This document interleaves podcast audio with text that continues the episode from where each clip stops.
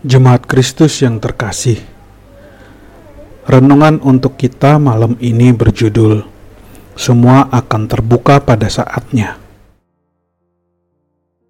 Dan bacaan kita diambil dari kitab Esther 7 ayat 1 sampai dengan 10. Beginilah firman Tuhan. Datanglah raja dengan Haman untuk dijamu oleh Esther sang ratu.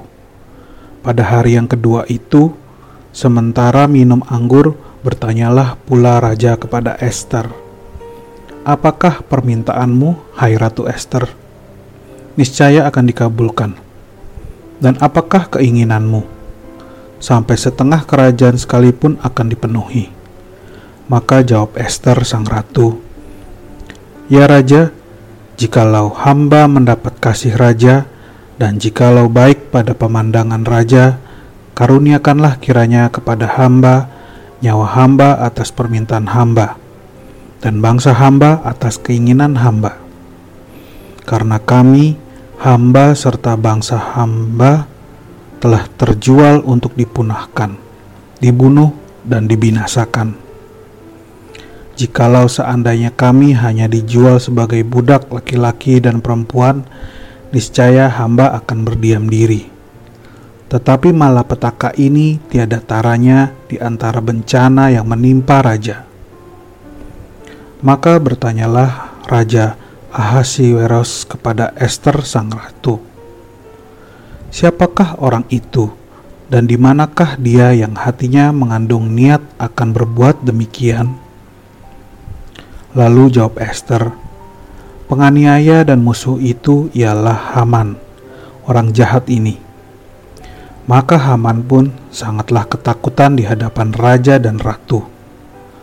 Lalu bangkitlah raja dengan panas hatinya daripada minum anggur dan keluar ke taman istana. Akan tetapi Haman masih tinggal untuk memohon nyawanya kepada Esther sang ratu, karena ia melihat bahwa telah putus niat raja untuk mendatangkan celaka kepadanya. Ketika raja kembali dari taman istana ke dalam ruangan minum anggur, maka Haman berlutut pada katil tempat Esther berbaring. Maka titah raja, masih jugakah ia hendak menggagahi sang ratu di dalam istanaku sendiri? Tatkala titah raja itu keluar dari mulutnya, maka diselubungi oranglah muka Haman. Sembah Harbona, salah seorang sida-sida yang di hadapan raja. Lagi pula tiang yang dibuat Haman untuk Mordekai, orang yang menyelamatkan raja dengan pemberitahuannya itu telah berdiri di dekat rumah Haman. 50 hasta tingginya. Lalu titah raja, sulakah dia pada tiang itu Kemudian Haman disulahkan pada tiang yang didirikannya untuk Mordekai. Maka surutlah panas hati sang raja. Menunjukkan dan membahas sebuah masalah perlu menemukan waktu yang tepat, seperti yang dilakukan oleh Esther. Esther yang mengadakan jamuan makan malam untuk Raja Ahasiweros memanfaatkan kesempatan ini untuk membongkar muslimat muslihat Haman yang hendak memusnahkan seluruh bangsanya. Ia ingin memanfaatkan kesempatan ini untuk menunjukkan bukti kejahatan Haman dan memohon belas kasihan akan ketertindasan bangsanya. Saat suasana raja akhirnya merasa tenang dan gembira, ia pun mulai membongkar rencana jahat Haman dan akhirnya membuat raja naik pitam. Ditambah lagi saat Haman melakukan sikap yang tidak bermoral, kesalahan Haman pun semakin menjadi berat saat salah seorang sida-sida bernama Harbona melaporkan bukti kejahatan Haman kepada raja. Akhirnya, kemarahan raja pun membuat Haman digantung pada tiang sula buatannya sendiri.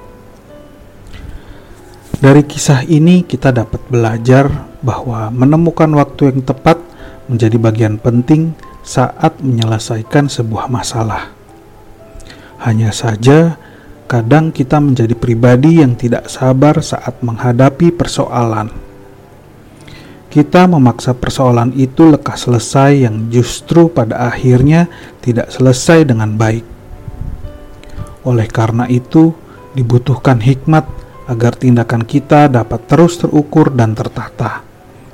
Bersabar saat menghadapi sebuah persoalan hingga menemukan waktu yang tepat untuk menyelesaikannya.